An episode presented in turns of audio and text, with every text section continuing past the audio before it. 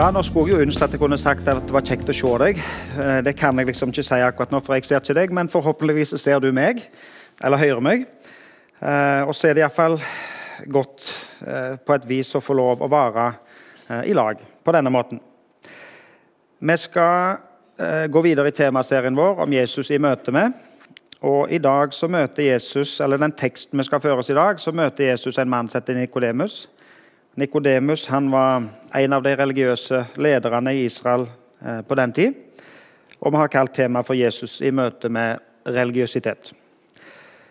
Teksten vår står i Johannes kapittel 3, de første 21 versene der egentlig. Men vi skal korte det litt ned, hoppe litt. Men for sammenhengens del så skal vi lese en del vers. Men vi begynner fra vers 1. Og når vi kommer til vers 8, så hopper vi til vers 14. og så får vi komprimert historien litt, men, men vi har eh, hele sammenhengen med oss. Eller mesteparten av sammenhengen med oss. Så Derfor så skal vi lese fra Johannes evangeliet og kapittel 3 og begynne eh, i vers 1. Der står Det var en mann som het Nikodemus. Han var fariseer og en av jødenes rådsherrer. Han kom til Jesus om natten og sa, 'Rabbi, vi vet at du er en lærer som er kommet fra Gud, for ingen kan gjøre de tegnene du gjør, uten at Gud er med ham.' Jesus svarte, 'Sannelig, sannelig, jeg sier deg:" Den som ikke blir født på ny, kan ikke se Guds rike. Hvordan kan en som er gammel, bli født på ny? sa Nikodemus. Kan noen komme inn i mors liv igjen og bli født for andre gang? Jesus svarte, Sannelig, sannelig, jeg sier deg, den som ikke blir født av vann og ånd, kan ikke komme inn i Guds rike. Det som er født av kjøtt, er kjøtt, men det som er født av ånden, er ånd. Undre deg ikke over at jeg sa til deg, dere må bli født på ny. Vinden blåser dit den vil. Du hører den suser, men du vet ikke hvor den kommer fra, og hvor den farer hen. Slik er det med hver den som er født av Ånden.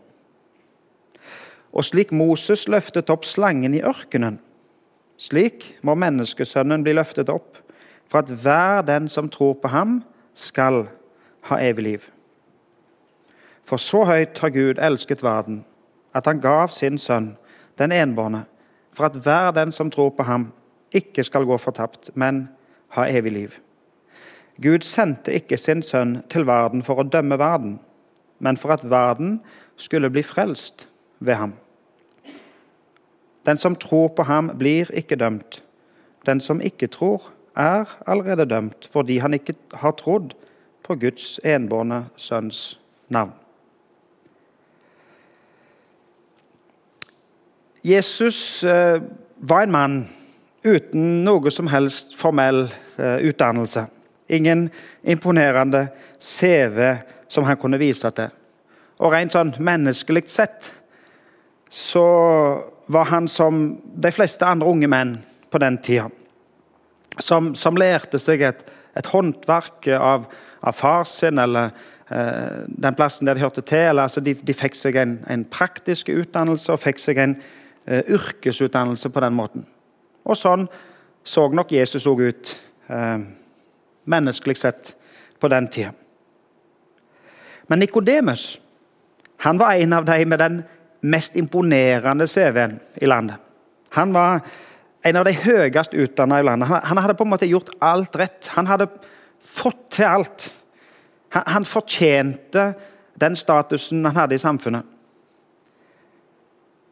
Og så ser vi her at eh, Nikodemus faktisk var ydmyk nok.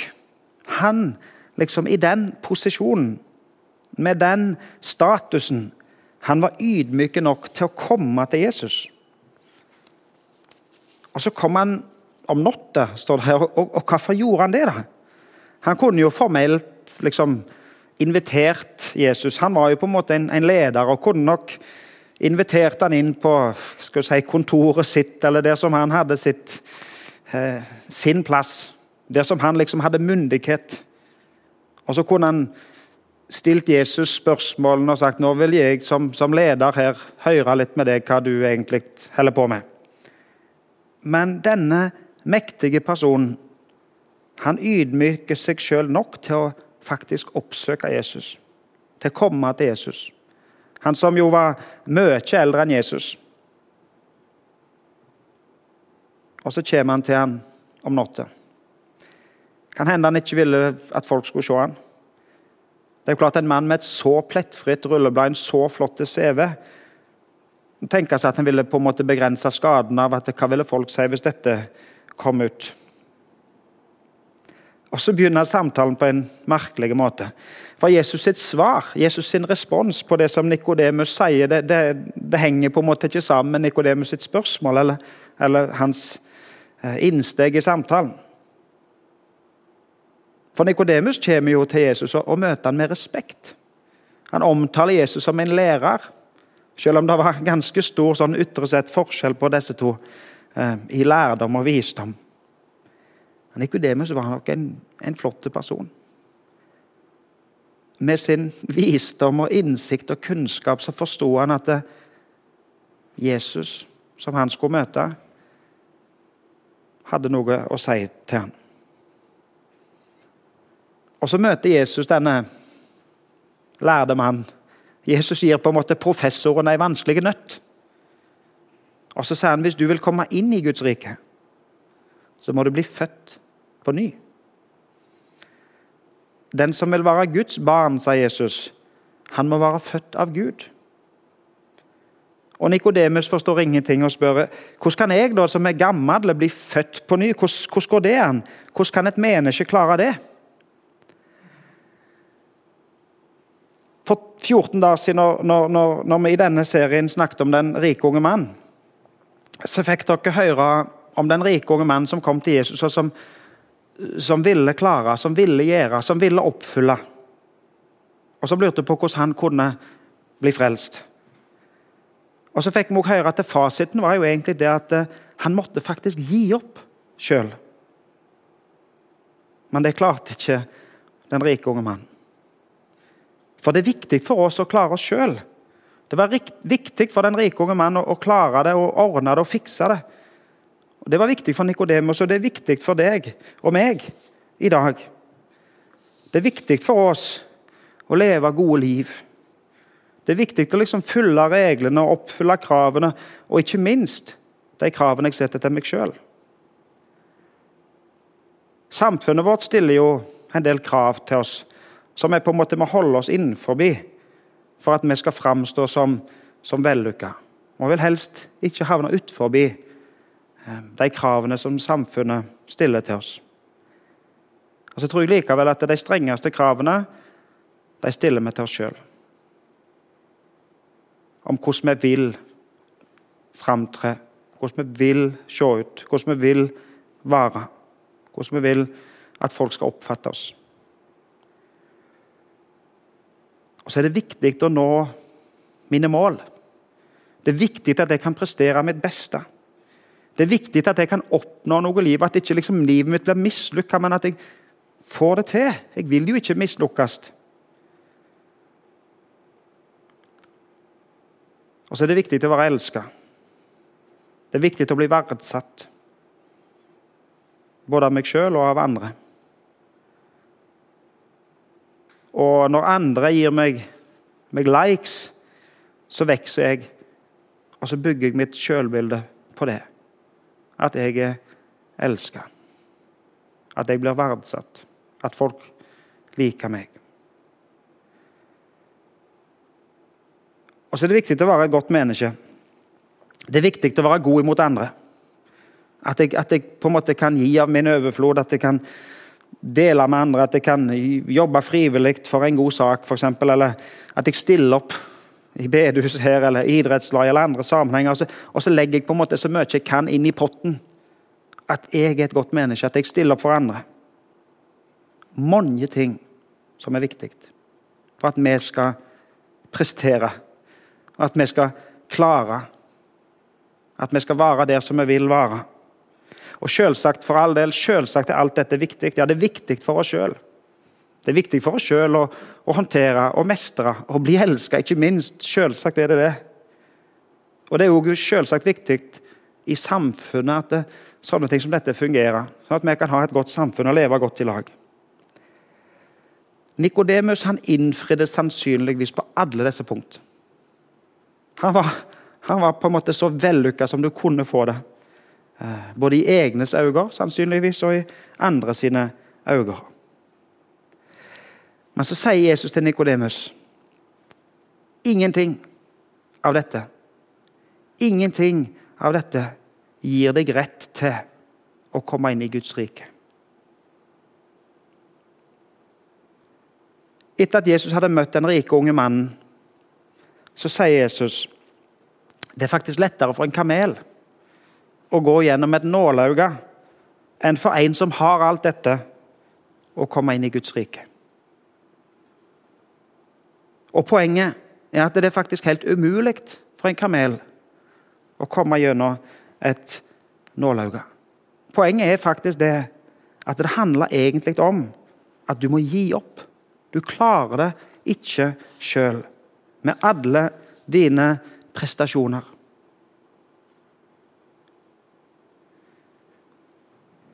Det hender, at, det hender, at, folk spør hvis jeg skal bli en kristen, hvis jeg blir en kristen, må jeg liksom slutte med det og det. da? Jeg har så mange ting som jeg trives med, som jeg helst ikke vil gi opp. Må jeg slutte med ting? Eller hvis jeg blir en kristen, må jeg da begynne med det eller det eller det? Eller må jeg gjøre sånn eller sånn? Vet du, Spørsmålet er egentlig feil spørsmål. Du trenger faktisk ikke verken begynne med noe eller slutte med noe. Det er ikke det det handler om. En liten parentes. da. Det kan tenkes at når du er en kristen, så ser du annerledes på de spørsmålene enn det du gjorde før du, du, ble en kristen, før du tok imot Jesus. Men det er ikke det det handler om. For det som det handler om, er å bli født på ny. Og blir du født på ny, så får du faktisk et helt nytt liv. Det handler ikke om å pynte på eller fikse eller, eller, eller ordne opp i slutte med noe eller begynne med noe. Nei, det handler faktisk om en helt ny start. Begynne helt på null. Helt på nytt. Nytt liv, født på ny. Men så spør Nikodemus hvordan i all verden skal jeg bli født på ny. Hvordan går det an? Ok, hvordan ble du født? Hvordan blir et menneske født? Du bidro jo ikke så mye den dagen du ble født. Hvis du tenker på den vanlige menneskelige fødselen. Du bidro med fint lite. Og hvis du bidro med noe, så gjorde det sannsynligvis bare vondt verre. Og jeg har litt erfaring. Det vil si Altså, jeg er far, da. Far til fire. Så jeg har opplevd fødsel fire ganger. Og jeg skal ikke skryte, for jeg var på en måte bare tilskuer. Jeg, jeg har erfaring, men ikke som hovedperson i det hele tatt. Men det er um, en ganske underlig opplevelse. Og den som blir født, har nok hatt noen ganske traumatiske timer. Og den som blir født, uttrykker det ganske kraftig. Det, det, er ingen som kommer ut, iallfall ingen av mine fire, som kommer ut med et smil om, om munnen og koselige sånne babylyder som liksom Nå kan du ta bilde og så sende det ut på Facebook. Men det var en ganske høglytt protest og hjerteskjærende klage. Og de som ble født, gav ganske kraftig uttrykk for at dette var ikke eh, at dette var ganske traumatisk, for å si det rett ut. Og hun, som har gjort 99,9% av jobben, tar denne lille i sine armer, som brøler, og som ikke har et spesielt fint smil. Og så vet hun at det som nå har skjedd, det vil sannsynligvis skape en del frustrasjon de neste 18-20 årene. Og mer enn det, kanskje òg. For sannsynligvis blir det mange våkenetter gjennom både barndomstid og ungdomstid. Likevel så er dette øyeblikket det største i hennes liv.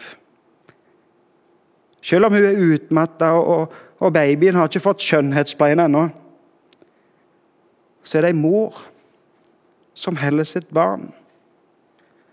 Og det badende er det fineste hun har sett. Og kjærligheten som hun føler til den lille, den kan ikke beskrives. Å bli født inn i Guds rike, å bli Guds barn, det er ikke din prestasjon. Å bli født det er ikke noe som du kan prestere. Nei, det er en gjerning som Gud må gjøre. Og Hvordan formidla Jesus dette til den store religiøse lederen Nikodemus? Jo, Jesus siterte Bibelen fra Det gamle testamentet, Guds ord, som Nikodemus holdt høyt, og som han kunne nok utenat. Og så siterer Jesus en, en merkelig historie fra 4. Mosebok. Du skal ikke lese den, du kan lese den sjøl. Det er 4. Mosebok 21, hvis jeg ikke tar helt feil. Om når, når israelittene var, var bitt av slanger. Um, og så var de dødelig syke av slangegift. Og så sier Gud til Moses at Moses skal ta en slange, lage en slange av kåper, henge den opp på ei stong, og at de som ser på slangen, skal bli friske. Og så erfarer israelsfolket den gangen at det, med å se på slangen og kaste et blikk på slangen, det gjør at den blir frisk. Og så sammenligner Jesus seg sjøl med slangen. Like som Moses løfter opp denne slangen i ørkenen, sånn må jeg bli lufta opp, henges opp. Sånn at de som ser på meg, de som tror på meg, skal bli født på ny. Og Gud har elsket denne verden med en så stor kjærlighet at han lot sin sønn bli den som ble hengt på et kors, for at hver den som tror på han, skal bli frelst, skal bli født på ny, skal få evig liv, ikke gå fortapt. Det krevde ikke så mye av deg. Du som ble født. Det krevde ingenting av deg, men det krevde enormt mye av Jesus. Ja, det krevde faktisk hans liv. At du skulle bli født av han. Og etter at han hadde ofra alt, så tok han deg i sine armer og sa 'mitt barn'. Så høyt elsker Gud.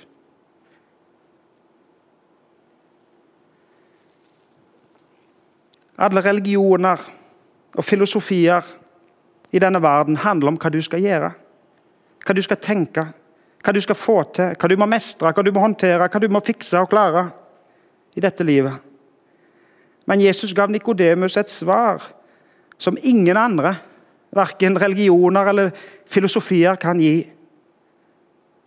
Jesus sier at det handler ikke om hva du skal gjøre, men hva Jesus gjør for deg. Hva Jesus gjør i deg og med deg. At han gav sitt liv for at du skulle få et helt nytt liv. Et evig liv. Født av Gud, født på ny. Hvordan kan jeg påstå det? Det er mange som tenker helt annerledes. Det kan ikke bare være én fasit. Det kan ikke være kun det du sier, som er rett. Det er mange smarte folk som har andre svar. Men det var dette Nikodemus opplevde i samtalen med Jesus. Han som egentlig hadde kontroll på sitt religiøse liv. Han som kunne alt om Gud og sånne ting. Han som, han som på en måte var ekspert. Han innså at det handla ikke om hva han sjøl tenkte og presterte, men hva Gud får lov å gjøre i hans liv. Vi leste fra Johannes 3, Johannes kapittel 3. Og Så kan vi hoppe fram til slutten av Johannes-evangeliet. I, I kapittel 19 så leser vi fra 19 vers 38 så står det at Josef fra Arimathea ba nå Pilatus, Pilatus som, som, bestemte og som hadde gitt eh, tillatelse til å korsfeste Jesus. Eh, han, altså Josef fra Arimathea ba nå Pilatus om tillatelse til å ta ned Jesu kropp etter at Jesus var korsfesta og død. Josef var disippel av Jesus, men i hemmelighet, fordi han var redd for jødene. Pilatus ga ham lov, og han kom og tok kroppen ned. Også Nikodemus var der. Han som kom til Jesus første gang om natten. Han hadde med seg en blanding av murra og aloe, omkring 100 pund. De tok da Jesu kropp og svøpte han i linklær med den velluktende salven i, slik skikken er ved jødenes gravferder. Dette er ganske, ganske sterkt å lese. Nikodemus, han som kom om natta første gang, sånn at ingen skulle se han. Han som fikk høre fra Jesus at, at Jesus skulle henges opp, sånn som slangen ble hengt opp i, i ørkenen. Og nå hadde Nikodemus faktisk sett det med sine egne øyne. At Jesus hang på et kors. Og det gav Nikodemus et helt nytt liv. Nå trengte ikke Nikodemus å skjule seg eller passe på ryktet sitt. Han brydde seg ikke om det lenger. Nei, Han gikk opp til korset. Han viste seg i full offentlighet og tok Jesus ned av korset. Nikodemus hadde faktisk ikke rørt en død kropp hele sitt liv. Sannsynligvis. For det er strenge forskrifter i, i, i den loven som Nikodemus holdt seg til, i den jødiske loven, som sier at den som rører med et lik, den blir urein. Og det måtte renselsesritualer til i mange dager for at han skulle bli rein igjen. Men Jesus han hadde tatt på seg alle Nikodemus sine urenheter. Og Jesus hadde gjort Nikodemus rein. Det var ingen flere renselsesritualer igjen for Nikodemus å gjøre. Ingen lov, ingen krav, ingenting han måtte oppfylle lenger. Og det forandra Nikodemus totalt. Sånn at han, en lærd, mektige, eldre mann, gjorde noe som han hadde vokta seg vel for å ikke gjøre hele sitt liv. Han gikk i full offentlighet fram til Jesus sitt kors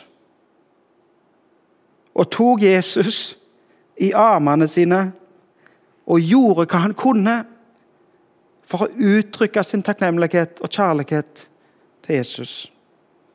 For Jesus hadde gitt ham et helt nytt liv.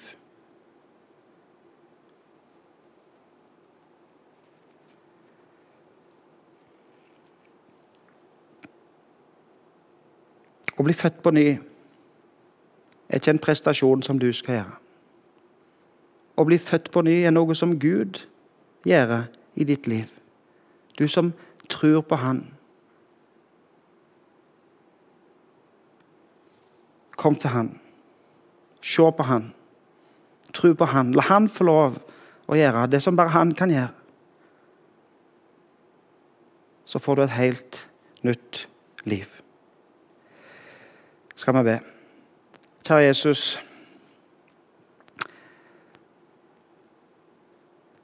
Takk for at du gav livet ditt for oss, for at vi skulle få lov å leve. Takk at vi skal få lov å se på deg, tro på deg, ta imot deg, og at du skaper et nytt liv i oss. Og Jesus er det så vanskelig for oss å forstå. Og så er det så vanskelig for oss å forklare og, og se hvordan det skjer på utsida. Men Jesus, vi ber om at du må få skape dette inni oss, i oss. At du må få lov å være frelseren vår.